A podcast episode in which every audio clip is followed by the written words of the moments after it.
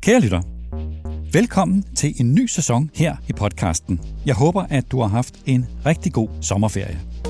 Inflationen er vendt tilbage, og den har vendt op og ned på spillereglerne mange steder, også i dagligvarehandlen. Men hvordan ser der ud inde i maskinrummet? Og hvor meget betyder de stigende energipriser? Det taler jeg med Per Bank om. Per Bank er topchef i Salling Group, og her fortæller han om en virkelighed, som han aldrig før har mødt. Om leverandører, der er pressede, om kundernes ændrede adfærd, og om hvorfor at han pludselig er mere optaget af energipriserne og især af elprisen, end af hvor meget han sælger. Velkommen til Topchefernes Strategi.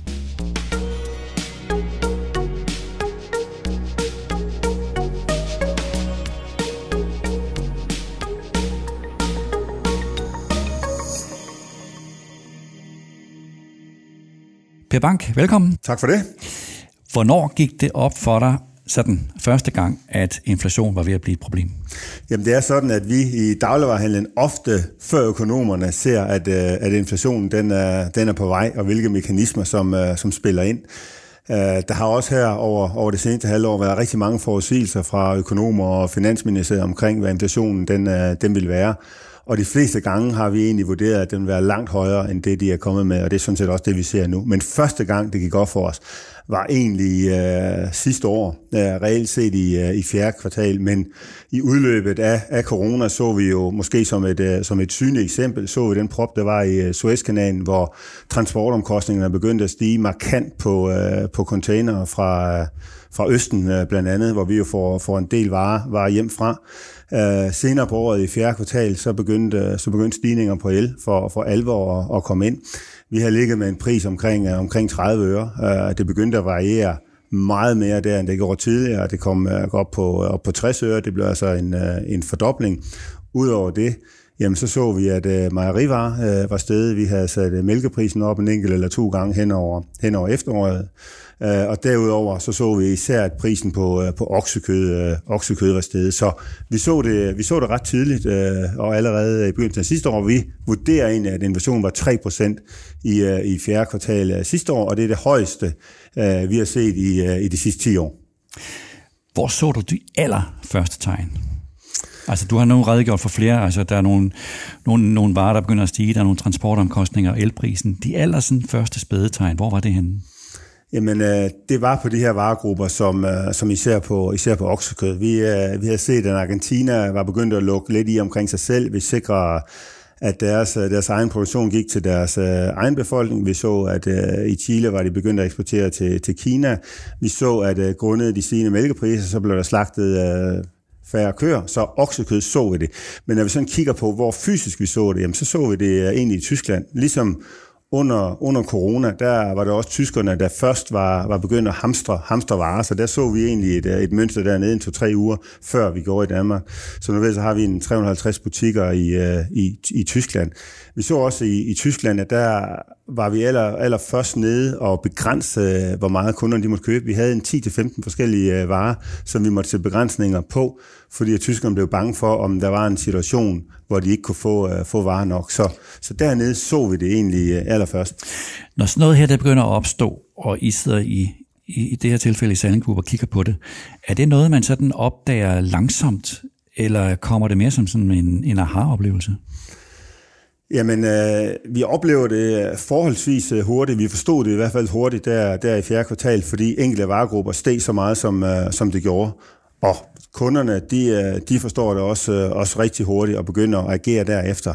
Men igen, det er, det er på energiforbruget, hvor vi for alvor forstod det hurtigt. Vores, øh, vores månedlige forbrug, det er 47 millioner kilowatt.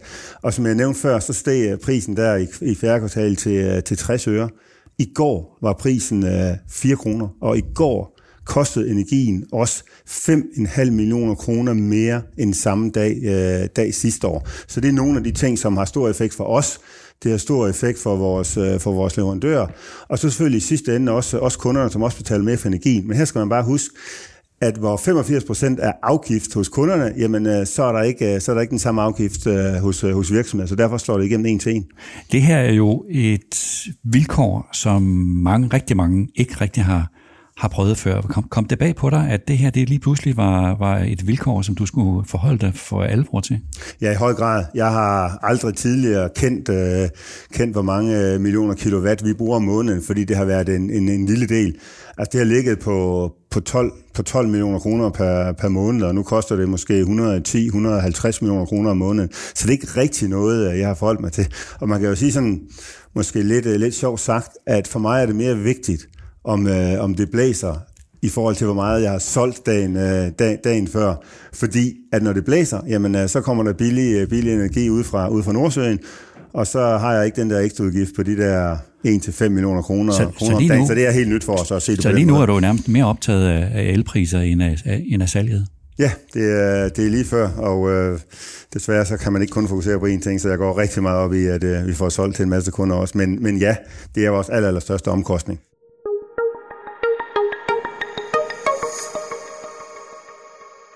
Lad os prøve at se det lidt, sådan, øh, lidt mere struktureret på det, hvordan, hvordan I har oplevet det øh, hos jer. Altså der er jo både øh, der er leverandører, og så er der jo øh, kunderne, og så er der jer selv. Hvis vi prøver at starte med, med jeres leverandører, hvordan har du oplevet din leverandørs adfærd i det her forløb indtil nu?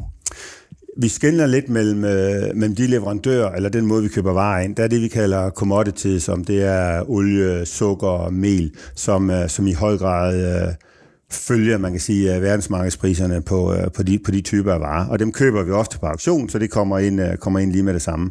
Så har vi, så har vi de, de andre varer, som er mere færdigproducerede varer, hvor leverandøren de selvfølgelig kommer, med, kommer ind med, med prisstigninger, så snart de kan, de kan komme afsted med det.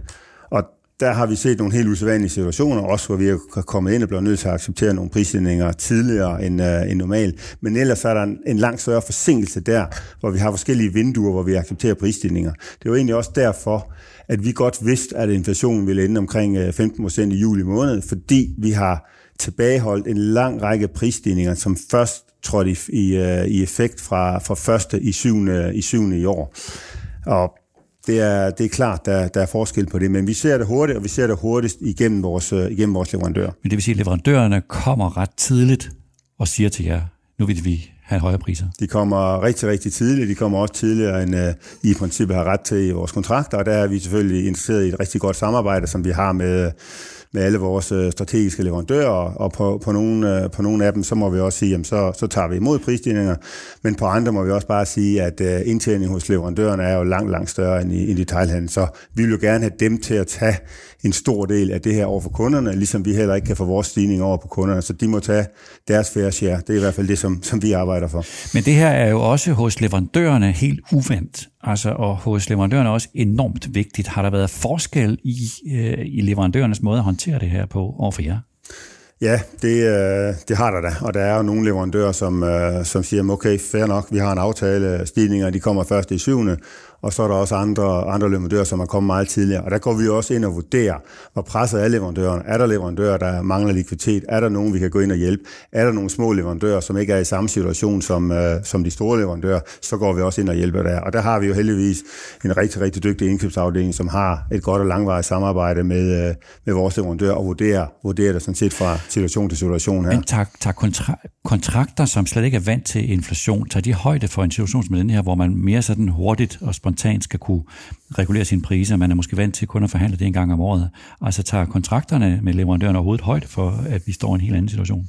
Nej, der er selvfølgelig noget i vores kontrakter, hvor man øh, kan gå ind og sige, hvis det er helt unormalt. Ikke? Og det er jo så det, som mange leverandører går ind og påpeger, at her er noget øh, force majeure vi siger så og måske ofte, at det er ikke force majeure. Så, men, men nej, der, der kan helt klart være, være en god pointe der, at vi har ikke set det her nogensinde før, at vi får så store prisstigninger over så kort tid. Så på den måde, så tror jeg da også, at øh, når vi skal sætte os i forhandlingslokalet her til efteråret og forhandle årsaftaler, at det er noget af det, som, øh, som det bliver fokuseret, øh, fokuseret ind på. Men, men det er jo sjovt for hele den her diskussion omkring øh, leverandører og detailhandel, så er indtjeningen, den er bare meget, meget lav, i, uh, især i den danske, den danske detaljhandel. Jeg tror, vi samlet set uh, tjener omkring 4 milliarder. Hvis vi tager en leverandør som Carlsberg, de tjener 11 milliarder på et år. Jeg har ikke noget imod, at leverandørerne tjener, tjener penge, men uh, de må godt sælge varerne lidt billigere, billigere til os, fordi vi har, vi har brug for at kunne levere billigt til vores kunder. Men når leverandørerne kommer og siger, at nu vil de have højere priser, så er det jo, jeg gætter på, øh, en slags magtkamp. Altså, hvordan, hvordan gennemskuer I, om, om deres prisstigninger de er, de er rigtige, eller om det er mere sådan noget øh, politik?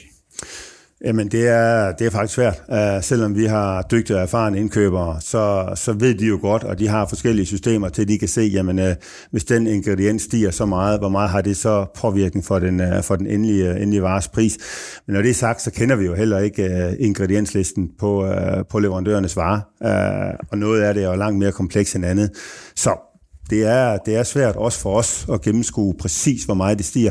Men der, hvor vi øh, måske har en fordel, det er, at vi køber mange lignende typer varer. Køber vi en øh, Yankee bar på Toms og en Mars bar hos, øh, hos Mars, jamen så kan vi jo undre os over, hvis, øh, hvis Yankee baren den kun stiger 5%, og Mars baren den, øh, den stiger 2, så kan det godt være, at vi går til Toms og siger, hvad er 5 og 2 procent, ikke? og begge to argumenterer for det ene og det andet. Så selvfølgelig har vi en masse metoder, hvor vi kan, hvor vi kan gå ind og, og sammenligne på tværs af kategorier. Der har været diskussioner også øh, her i børsen øh, igennem de seneste måneder, hvor folk har, har netop beskyldt andre for at misbruge det. Oplever du det? at du ser leverandører, der forsøger at misbruge situationen? Det er, det er absolut ikke min, øh, min, min fornemmelse af leverandører, der misbruger situationen, fordi de lever også af troværdighed, og de lever også af troværdighed over for os. Og hvis de misbruger den, så kommer vi hurtigt til at, til at, gennemskue, øh, til at gennemskue det. Så nej, jeg synes egentlig ikke generelt, det er noget problem. Men selvfølgelig kan der godt være enkelte leverandører, som, øh, som misbruger det, men det er ikke, øh, det er ikke mit generelle indtryk over, overhovedet. Er der forskel i sådan en situation på den styrke, som leverandørerne har? Eller det er rettere sagt, det er der jo selvfølgelig, men, men altså når, når en Carlsberg, de er jo lige, øh, de er lige nu kommet med et enormt stærkt regnskab. Altså, der må være nogle leverandører, som det er svært at, at forhandle med. Det er der, og det er også nogle leverandører, der har så stærke brands, nu nævner du Carlsberg, om øh, vi skal have Carlsberg, og vi skal have Coca-Cola på, øh, på, vores, øh, på vores hylder. Det ved Carlsberg jo godt, at der er nogle kunder, der vælger indkøbssted efter, om de kan få en Coca-Cola Zero, fordi de foretrækker det frem for, frem for Pepsi'en. Og så har de en størrelse, hvor de er selvfølgelig bedre til at forhandle end nogle af deres, øh, deres mindre konkurrenter. Så det er, jo, det er jo noget, vi hele tiden vurderer. Hvornår er det værd for os at tage en konflikt med de, øh, med de store leverandører. Så når du tager P&G, når du tager Unilever, når du tager Leslie, når du tager Carlsberg, jamen så er vi på trods af vores øh, 66 milliarder kroner i omsætning, så er vi jo bitte små og har egentlig øh, ikke en særlig god indkøbssituation der.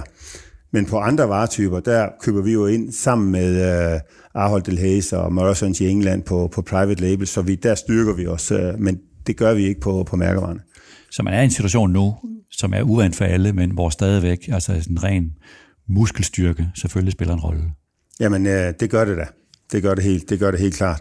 Men jeg vil også sige, at der er også en god forståelse hos, øh, hos leverandørerne på, at de ikke er interesseret i generelt at udnytte, at udnytte den her situation. Men igen, som jeg, som jeg sagde før, vi skal bare have leverandøren til at tage en større del af den her kage, end, end de har gjort tidligere. Men det er jo ikke sikkert, de synes det. Det gør de absolut ikke. Det er du fuldstændig ret i. De er også børsnoteret og har nogle aktionærer, som de skal tjene. Mange af dem i hvert fald.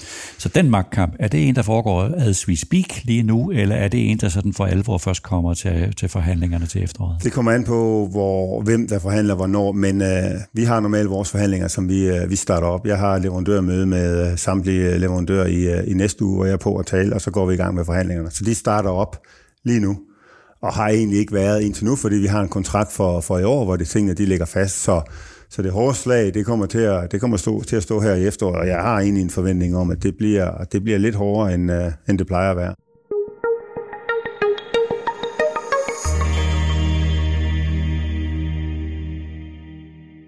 Godt. Så vidt øh, leverandørerne. Så er der jo kunderne, som jo er super centrale i øjeblikket. Hvordan ser du kundernes adfærd i øjeblikket? Jamen, øh, kunderne de er lynhurtige til at, at forstå den situation, som, øh, som de står overfor, fordi det er jo sådan, at, øh, at den enkelte, enkelte dansker, der er jo meget få valg om at bruge penge i en, øh, i en dagligdag, fordi man skal jo have sit øh, varme brusebad, man skal jo betale sin, øh, sin husleje, men der hvor du sådan set øh, aktivt kan gøre et valg på, hvor mange penge du, du bruger, det er, når du handler din, øh, handler din dagligvarer. Så kan du simpelthen sige, jeg gjorde en forskel i dag, jeg har sparet nogle penge. Og det udnytter kunderne i meget, meget høj grad. Der er tre områder, hvor de øh, især ændrer sig på. Det er, de køber langt mere på, øh, på tilbud, end, øh, end de plejer at gøre. De køber langt flere det, vi kalder egne varemærker, end, end de plejer at gøre. Og så sker der et, et ret stort kanalskift, således at hvor man tidligere handlede i supermarkederne, så handler man mere i discount.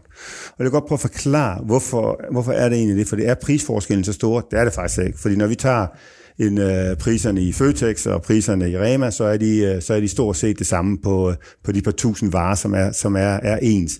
Men når du handler i et supermarked, om det er Føtex eller Kvickly eller, eller, eller Menu, jamen så bliver du bare fristet til at købe mere, fordi du kan har et langt større range, et langt større sortiment at vælge imellem. Så når du kommer ud af et supermarked, så er din, din din kursstørrelse måske 350 kroner, og når du kommer ud af et, øh, af et discount, så er det måske 250 kroner. Så du bliver ikke fristet, så du kan langt mere holde dig til dine øh, indkøbslister, når du handler i discount. Så det har kunderne selvfølgelig også, også fundet ud af. Og hvis jeg lige må supplere på, på, på egne varemærker, så er der jo en kæmpe stor prisforskel på, om du køber Ota Solgryn, eller du køber vores, øh, vores eget øh, Salling, øh, Salling Havregryn. Jeg vil tro, at den er i hvert fald 50% dyrere at købe, at købe mærkevaren. Og derfor så, så gør kunderne ofte det, at de skifter, fordi jamen, der er nok ikke så stor kvalitetsforskel, så den præference kan vi, kan vi godt tage. Det presser selvfølgelig også, også vores forretning, fordi i modsætning til mange eksperter, der siger, at vi tjener meget mere på private label, så passer det ikke. Vi har præcis samme procent indtjening på vores egne varemærker, som vi har hos, øh, hos mærkevareleverandøren. Og når vi sælger en vare til 20 kroner, og sælger en vare til 10 kroner, skal jeg sige 20 procent i avance på begge to, så tjener vi altså dobbelt så meget på, uh, på brandet. Så det er også noget af det, som egentlig gør, at vi får det svære i sådan en situation her. Ja, fordi samlet set de tre ting, du lige har redegjort for, altså tilbud, egne mærkevarer, varemærker og, discount, samlet set, så må det betyde, at det presser indtjeningsevnen. Det gør det øh, helt enormt, fordi uh, tilbuddet de bliver bare valgt meget, meget mere til. Tag sådan noget som tilbudsavisen, som øh, vi talte om var, var død for nogle år siden. Jamen lige nu er det igen bare det mest læste avis i, i Danmark overhovedet. Danskerne, de pløjer tilbudsaviserne igennem, de finder de bedste, de finder de bedste tilbud, og så vælger, de, øh, så vælger de dem ud og handler derefter. Og det betyder at vores gennemsnitsavance, den, øh, den kan, den kan nemt falde med 1, 2, 3 procentpoint på, øh, på en måned. Og det er jo mange, mange millioner kroner, det, øh, det, kost, det koster os. Men det er jo godt, det er godt for kunderne, de har den mulighed. Danmark er jo et af de lande i verden med den aller, aller største tilbudsandel. Øhm, tag sådan noget som Lurpak. Der har været rigtig meget diskussion hen over, hen over sommeren, hvor vi er verdens dyreste land at købe Lurpak i. Faktisk er det faktuelle, at vi er verdens billigste land at købe Lurpak i, fordi mere end 80 procent af alle pakker smør, Lurpak smør i Danmark, det bliver solgt til under indkøbspris. Men den bevægelse hos kunderne, som vi taler om her, hvor tidligt kom den? Altså er det noget, det her, er kunderne så opmærksomme på de her prisstigninger, at de reagerer med det samme, eller går det først op for kunderne lidt øh, sådan efterhånden? Øhm, man kunne se under corona, hvor, øh, hvor kunderne de vil, øh, de vil handle færre gange, og de har ikke lyst til at komme ud, de vil ikke blive smittet, så handler de meget i supermarkeder. Så for første gang i 15-20 år, der gik der et skift over mod supermarkederne. Så der vandt de markedsandel. Men fra vi, øh, fra vi ramte 1. januar i år, og de første prisstigninger begyndte at komme på, øh, på mejeri og på kød, jamen så så vi, at uh, discounterne de begyndte at vende markedsandel tilbage. Så det ser vi lige med det samme. De er absolut bevidste om, hvordan så de kan fordi, tjene penge. Ja, fordi også corona var jo tydeligt for enhver. Den kom jo nærmest overnight. Ja. Det her, selvom det er sket sådan trods alt hen over tid, så har kunderne lagt mærke til det med det samme. Det har de, og man må sige, at vi var også forholdsvis tidligt ude og lave en, uh, lave en kampagne på vores egne, egne varemærker i, uh, i Netto, og lave store posters med, at man kunne spare penge ved at, ved at købe dem. Det gjorde vi ikke for vores indtjeningsskyld, skyld, men det gjorde vi for selvfølgelig at få trafik ind i vores butikker, for at gøre opmærksom på, at vi har at vi har det, øh, det billige valg. Så vi hjælper jo også kunderne, så er vi lidt selv i det? Ja, det er vi jo nok, fordi vi hjælper kunderne til at påpege, at, at de kan handle billigere, hvis det, er, hvis det er det, de ønsker. Ligesom vi heller ikke undgår at fortælle om vores, øh, vores gode tilbud. Så, så ja, vi gør det, men det gør vi jo, fordi vi vil have kunderne til at forblive i vores egne kanaler. Der var jo en diskussion under corona især om det her med at handle på nettet. Altså hvorvidt kundernes ønske om bekvemmelighed nu var blevet så stor, at øh, det her med at handle på nettet selv i dagligvarer havde fået et gennembrud. Hvordan ser det ud øh, i forhold til den situation, vi er i nu med inflation? Jamen det er helt rigtigt. Under, under corona så så vi, at uh, andelen af dagligvarer købt på nettet, den steg til omkring 5,5 procent. Uh, vi lavede to store strategiske beslutninger under corona. Det ene det var at beslutte at levere dagligvarer hjem til, til kunderne via, via Føtex.dk. Vi troede faktisk også, det var blivende det vi nu har set siden, uh, siden 1. januar, det er, at vi er langt under de niveau, vi så under corona. Vi er helt nede uh, under 3,5 procent. Så det er ligesom om, at det er, det er forsvundet igen. Uh, jeg har egentlig holdt, holdt os selv tilbage i lang tid med dagligvarer og nettet, men så troede jeg på det, men jeg må bare sige, at, det er, at der er ikke ret mange, der benytter, der benytter den mulighed, og det gør de jo ikke, fordi det er, det er stadigvæk øh, forholdsvis, øh, forholdsvis dyrt. og så skal man betale for, betale for levering. Og det kan vi også se på øh, København, hvor det er primært der, det har, det har været, at vores nettobutikker i København har, har så delt fremgang, øh, fremgang der. Og bare mens vi er ved det, øh, Per Bank, hvad var den anden strategiske beslutning? Jamen det var under hele nedlukningen, der, der formåede vi at opkøbe en stor konkurrent i Polen, uh, Tesco i Polen, og lave dem om til, uh, til nettobutikker, okay. så vi nu der har en god størrelse.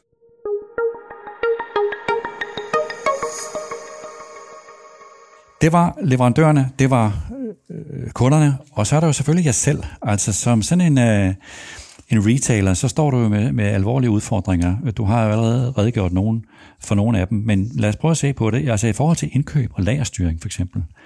Hvordan, hvordan øh, går man til det i en situation som den her? Jamen, øh, det, det, er fuld, det er fuldstændig rigtigt. Det er en situation, vi ikke har, vi ikke har set før. Så vi går ind og kigger på, hvilke varer tror vi, der vil stige yderligere, og så køber vi selvfølgelig op og fylder vores, øh, fylder vores øh, lager med, med de varer. Andre varetyper, som eksempel non-food, vi har jo en kæmpe stor andel af salg på, øh, på non-food på vores øh, Bilka og, og, og Føtex, jamen så går vi ind og tager mere aggressive tiltag til at få solgt ud af de varer, som, øh, som, som vi har der. Samtidig med, at vi går ind og vurderer, jamen, hvor meget skal vi købe ind til sæsonen næste år. Fordi hvis vi har en inflation på, på 15% på varerne, jamen, hvad gør kunderne så? Køber de ind for det samme beløb, så vi skal købe 15% mindre, eller er det blevet så dyrt, at de køber mindre ind? Så der er en masse svære beslutninger der. Vi vurderer så, at vi skal købe helt ned til indeks 70, og så må vi se, om vi kan finde, øh, finde varerne på, øh, på en anden måde. Så vi tror, det vil gå, gå noget ned. Ja, for jeg gætter på, en, en yderligere kompleksitet er vel det med forsyningskæderne stadigvæk er forstyrret. Altså det der med at få varerne hjem, ikke mindst fra, fra Fjernøsten. Altså det er jo, det har vi jo talt om længe under corona. Altså det er også et problem. Det er et problem, og det er det, det, er det lige nu. Mit gæt er så bare, at uh, hele mængden af, af varer, som kommer fra Fjernøsten på grund af den situation, vi er nu, den vil, øh, den vil aftage, og vi vil, øh, vi vil øh, se en normalisering af, af hele det her, men det ved Mærsk og andre tølle mere om, men det er i hvert fald det, som, som jeg vurderer, at den, den bekymring bliver, bliver mindre over tid, og den topper lige nu. Men i en situation som den her, hvor der, det, det kan være svært at få varerne hjem til tiden og i de rigtige mængder, inflationen og ikke mindst energipriserne udvikler sig meget uforudsigeligt. Når I så sidder og tænker på og skal planlægge, hvor meget skal vi købe hjem af de forskellige ting, hvordan træffer I sådan en beslutning? Altså gør I det ud fra, fra sådan data, eller er vi i virkeligheden i en situation, hvor I skal gøre det ud fra mavefornemmelse? Jamen, jeg må sige, det er rigtig meget mave, mavefornemmelse. Det er rigtig meget intuition, ikke? Fordi hvordan vurderer vi, at kunderne har det? Vi går også ind og kigger på, på forbrugertilliden. Det er, det er jo den værste forbrugertillid, vi har set nogensinde. Og hvor meget vil kunderne, vil kunderne så købe? Jo, men samtidig, undskyld, samtidig med at forbrugertilliden er lav, så er beskæftigelsen høj. Ja. Altså, det er jo, så det er jo, det er jo, der er masser af dilemmaer. Fuldstændig rigtigt. Og hvis man kigger på, på danskernes bankkonti, så har de aldrig haft så mange penge, som de har lige nu de vælger bare ikke at bruge dem, fordi vi kan jo allerede nu se, at, øh, at købet af, købet af non-food er, er faldende øh, ret, ret kraftigt i forhold til de foregående, foregående år. Så vi, og vi tror i hvert fald, at der vil være, være mindre salg af den type af varer, så vi kommer til at købe mindre ind, end vi plejer at gøre, også mindre end, øh, end de 15 procent, som, som, som det stiger med. Og så håber vi på, at vi kan opkøbe via nogle andre kanaler, uh, hvis, vi får, hvis vi får brug for det. Man taler jo om det her med, at man skal aldrig lade en god krise gå til spilde. Og det vil sige, altså en situation, som, som du er i, med de mange udfordringer og dilemmaer, der er, kan man i sådan en situation også udnytte en krise på en offensiv måde? Jeg tror, det er svært at udnytte den her krise på, øh, på en offensiv måde. Selvfølgelig de virksomheder, som, øh, som har mere likviditet og som er sundere end andre, og vi er en forholdsvis sund virksomhed, så har vi råd til at holde priserne længere nede end, øh, end mange af vores konkurrenter, og derfor kan vi formentlig forhåbentlig være mere konkurrencedygtige, og dermed også, øh, også vinde, øh, vinde nogle markedsandele. Et eksempel på noget, vi har gjort, er, at vi besluttede ret tidligt i foråret at investere 2,4 milliarder i, øh, i forskellige tiltag omkring energibesparelser, 570 solcelleranlæg på vores, øh, på vores tage, øh, fjerne øh, 700 gasfyr osv., og det var ikke noget, som vi måske ellers ville have gjort. At det så nu med de energipriser, vi ser nu, viser sig så at være en super god investering, og godt vi kommer i gang øh, med det, er sådan set, er sådan set noget andet. Men ellers så, så vil jeg sige, at den her krise, det er en krise, hvor vi taber, og kunderne taber. Og det er en krise, hvor man, lad os bare være ærlige, altså man konkurrerer alene på priserne nu. Ja, det gør du, men du konkurrerer også på dit uh, private label sortiment, for hvis du har et godt sortiment der, om kunderne kan vælge, så, så betyder det noget. Vi konkurrerer så også på troværdighed. Um, og det var en af de svære situationer, jeg synes, at uh, vi tog tidligt. Det var, at som markedsleder gik, uh, gik jeg ud på, uh, på tv og fortalte, at nu vil priserne stige på grund af energi, på grund af leverandørerne osv., og tog egentlig ansvar for, for de højere priser, for jeg synes, der var kommet så meget støj omkring udnyttede øh, vi situationen, hvad sker der, at jeg blev nødt til at forklare, hvad der skete. Og det er jo ellers ikke noget, som nogen retailer nogensinde har lyst til, det er at tage ejerskab for de højere priser. Men det er jo også en usædvanlig situation, og derfor skal der også usædvanlige tiltag til.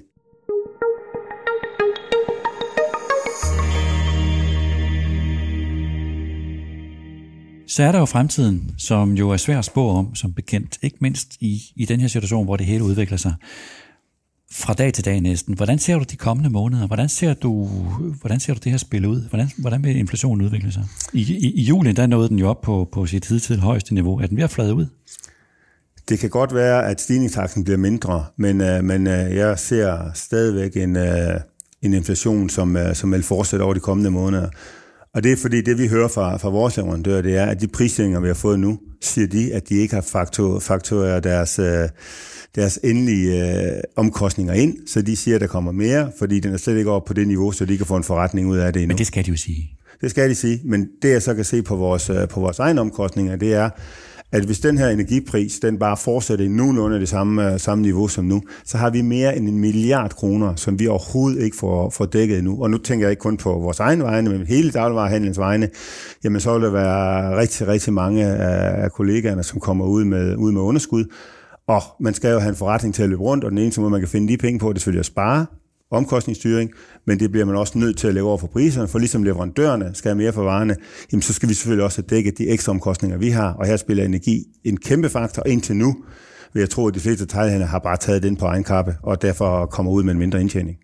Så alle holder lidt vejret i øjeblikket? Ja, fuldstændig korrekt. Så det vil sige, selvom inflationen måske har toppet, så betyder det ikke, at priserne vil falde? Det tror jeg, det tror jeg bestemt ikke i, i forhold til det, jeg ser, som, uh, som venter os. Og så er selvfølgelig også, når vi kigger lidt længere, lidt længere frem, er jeg også øh, meget bekymret for, for lønudvikling. Hvad, hvad sker der på, på, på overenskomstsiden? Fordi nu har vi jo låst en overenskomst til, til næste forår. Hvor store vil de lønstigninger komme? Og igen her, hvis lønstigningerne de, øh, de kommer til at ligge i linje med inflationen, jamen så er der kun et sted at hente, hente det. Det er hos... Øh, det er hos kunderne, eller selvfølgelig, hvis man kan forhandle endnu bedre hos leverandørerne, så de kan tage en endnu større del af, del af deres. Men der er ikke flere penge i detaljhandlen til at tage. Men det vil sige, uanset hvordan forårets overenskomstforhandlinger udvikler sig, så vil du, din, dit synspunkt allerede nu vil være, at der stadigvæk er så meget, både hos jer og hos jeres leverandører, hvad skal vi kalde det, et efterslæb, at, at priserne nødvendigvis vil komme til at stige yderligere. Ja, det er helt klart, hvis energipriserne de, øh, de, de fastholder nu af jo. Hvis energipriserne de pludselig går fra, ja, hvad var den sidste uge, var den 2,80, i går var den 4,10, men hvis det går tilbage til 30 øre, så tror jeg bare, at vi tager tabet på os, og så fortsætter vi, og så, og så, vil, øh, så vil inflationen falde væk. Men det er jo så ikke det, som det ser ud til. Men det kan jeg jo kun gætte på. Jeg er jo ikke øh, Men det skal I så under andet jo igen, om jeg så må sige, ud og forklare kunderne. Ja. Hvordan forbereder dig egentlig til efteråret? Nu tænker jeg mere sådan på, på, på det med, vi har jo lidt inde på det, men stadig, altså det med lærerne, det med produktmixet, øh, med, med priserne, altså du skal jo ret snart tage nogle beslutninger, som vil forpligte dig igennem efteråret. Hvad er sådan dine prioriteter? Jamen, vi har allerede taget mange af de beslutninger, ikke kun til efteråret, men også til, også til næste, næste forår, fordi mange af sæsonvarerne, som er havemøbler og cykler, skal, skal bestilles næsten, øh, næsten et år i forvejen. Så det, øh, det, har vi, øh, det har vi taget. Men ellers er det bare at fastholde de styrker, som vi har. Vi skal agere lynhurtigt i forhold til, hvordan kundernes indkøbs, indkøbsmønster det er. Og så skal vi ind og reagere på og realisere mange af de varer, som vi måske har, har for mange af. Og det vil selvfølgelig også betyde, at når vi taler om inflation på fødevarer, så vil vi også se en, øh, en deflation på, på mange non-food varer. Vi kan jo se her, den seneste Danmarks statistikundersøgelse mener jeg, at, øh, at tv for eksempel er faldet, er faldet i pris. Så der vil være en lang række, række varer, som jeg egentlig tror vil falde i pris. Det er så bare ikke, øh, det er så bare ikke fødevarer, fordi der midlertid er et, er et overskud af lære. Når jeg taler med min øh, logistikdirektør, så siger han, jamen prøv at høre, alle lærere i Danmark, de er, de er fuldstændig fyldt op. Så der er bare rigtig, rigtig mange varer derude. Og så er der også mange retailere, som ikke har likviditet til at lade dem overvinter til næste år, som derfor bliver nødt til at komme ud og realisere varerne. Så, så bare vent til vi når til, til Black Friday, så tror jeg, at, øh, at danskerne de øh, kommer til at kunne lave deres bedste indkøb nogensinde. Det er jo et vildt forløb, det her, som vi er inde i nu. Hvad har du egentlig lært forløbig? Altså lad, mig, lad mig spørge på den måde. Altså man taler jo om, at der er ikke nogen ledere nærmest under 60 år, som har prøvet det her før. Hvad, hvad, hvad har været sværest øh, set fra dit øh, synspunkt? Corona eller inflation? Jeg synes, det er meget svært at sammenligne øh, sådan to forskellige kriser, fordi i corona, da det ramte, der var det en øh, helt ukendt, øh, ukendt situation. Det var tof og usikkert for, øh, for vores 60.000 medarbejdere at gå på arbejde, for hvad var det, de, de mødte der? Øhm, men lynhurtigt fandt vi ud af, at for vores forretning var det, egentlig, var det egentlig godt nok. Så det vi kunne fokusere på, det var vores medarbejdere og vores kunders, kunders sikkerhed, og så gå op i det. Uh, så der var, ligesom en, der var ligesom en udfordring, var som, var, der ja, var, som var synlig ja, på en måde? det var svært for, for vores medarbejdere, fordi der var masser af kunder, der kom op og skændes, må den person have masse på, må den ikke have masse på. Der var rigtig, rigtig mange konflikter. Det er der ikke nu. Så man kan sige lige nu, er det lidt lettere at, øh, at agere, når vi er ude i butikkerne, men det er sværere at agere inde på, inde på indkøbskontorerne og, og i ledelserne, fordi der er så mange svære beslutninger, der konstant skal tages, for at vi også sikrer, at vi har bare en nogenlunde sund forretning også, øh, også fremadrettet. Så rent kommercielt er det sværere nu, rent, øh, rent ledelsesmæssigt måske også lidt, lidt sværere, fordi en krise under corona, den var sådan meget, meget bestemt til en ting, man kunne fokusere på. Når den her aktuelle udfordring med inflationen er, om så må sige, overstået, vender vi så tilbage til noget normalt, som vi har været vant til i mange år, eller er der noget, som vil have ændret sig sådan vejet? Jeg synes, det er et svært spørgsmål, fordi det er svært at gætte om, øh, gætte om fremtiden, men hvis den her høje inflationstakt, den fortsætter i, øh, i to til tre år, hvis øh, kundernes øh, valg af discount også, øh, også stiger i den grad, som, som vi ser lige nu, som er, som er meget, jamen øh, så tror jeg, at det kommer til at få en en ret stor betydning for, for butikstrukturen i Danmark. Jeg tror, at, uh, at der er mange supermarkeder, som ikke kan, ikke kan få deres forretning til at, til at løbe rundt. Så derfor så tror jeg, at der vil være færre supermarkeder og flere, flere discounter, og det betyder selvfølgelig også noget i styrkeforhold mellem, mellem konkurrenterne, så dem, der har meget discount, kommer stærkere ud af det her end, end de andre. Så på den måde tror jeg, det kommer til at, til at være, være noget, vi ser, vi ser vejet. Så det vil give et voldsomt vejet pres på, at man skal være opmærksom på sine omkostninger. Ja, det, øh, det vil det, og vi kan jo også se, at det betyder også noget om, nu ejer vi 70 øh, procent af vores ejendom selv, og hvis den her øh, nettoprisindeks, det siger 8 procent på, øh, på lejeomkostningerne, så de spillere, som har primært lejeejendomme, de er jo kun et sted for dem, det er at vælte, vælte de her priser prisstigninger over på, over på kunderne, så de kommer også til at stå i en uh, endnu sværere konkurrencesituation, end de har gjort, uh, gjort hidtil. Så jeg tror egentlig, at uh, de stærke vil blive endnu stærkere, og dem, der står mindre, mindre godt, vil, vil få, det, vil få det svære, hvis det her det fortsætter. Hvis det holder op rimelig hurtigt, så tror jeg, at tingene vil gå rimelig hurtigt tilbage til normalt. Men hvis det her fortsætter i, i nogle år, og, og får sådan vil kræve et vejet pres på omkostningerne, og kunderne i høj grad vil vælge ud fra lave priser. Kan man i sådan en situation godt holde en god kunderelation, hvor det hele egentlig går op i lave priser?